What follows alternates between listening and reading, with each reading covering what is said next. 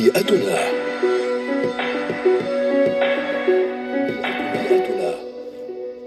التلوث البلاستيكي يضر البكتيريا التي تنتج 10% من الأكسجين الذي نتنفسه. هذا ما خلصت إليه أحدث الدراسات البيئية التي نشرتها مجلة Communications Biology. إذ ترشح من البلاستيك مواد كيميائية تتداخل مع نمو البكتيريا التي تنخرط بكثرة في عمليات التمثل الضوئي في المحيط.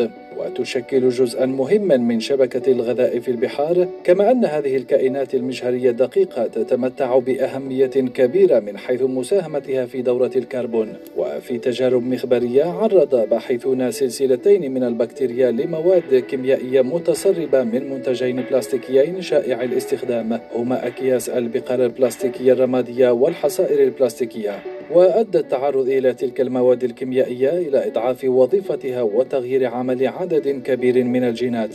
وتظهر البيانات أن التلوث البلاستيكي قد يكون له تأثيرات واسعة على النظام البيئي. تتجاوز ما نعرفه بشأن تأثيراته على الكائنات الحية الكبيرة كالطيور البحرية والسلاحف.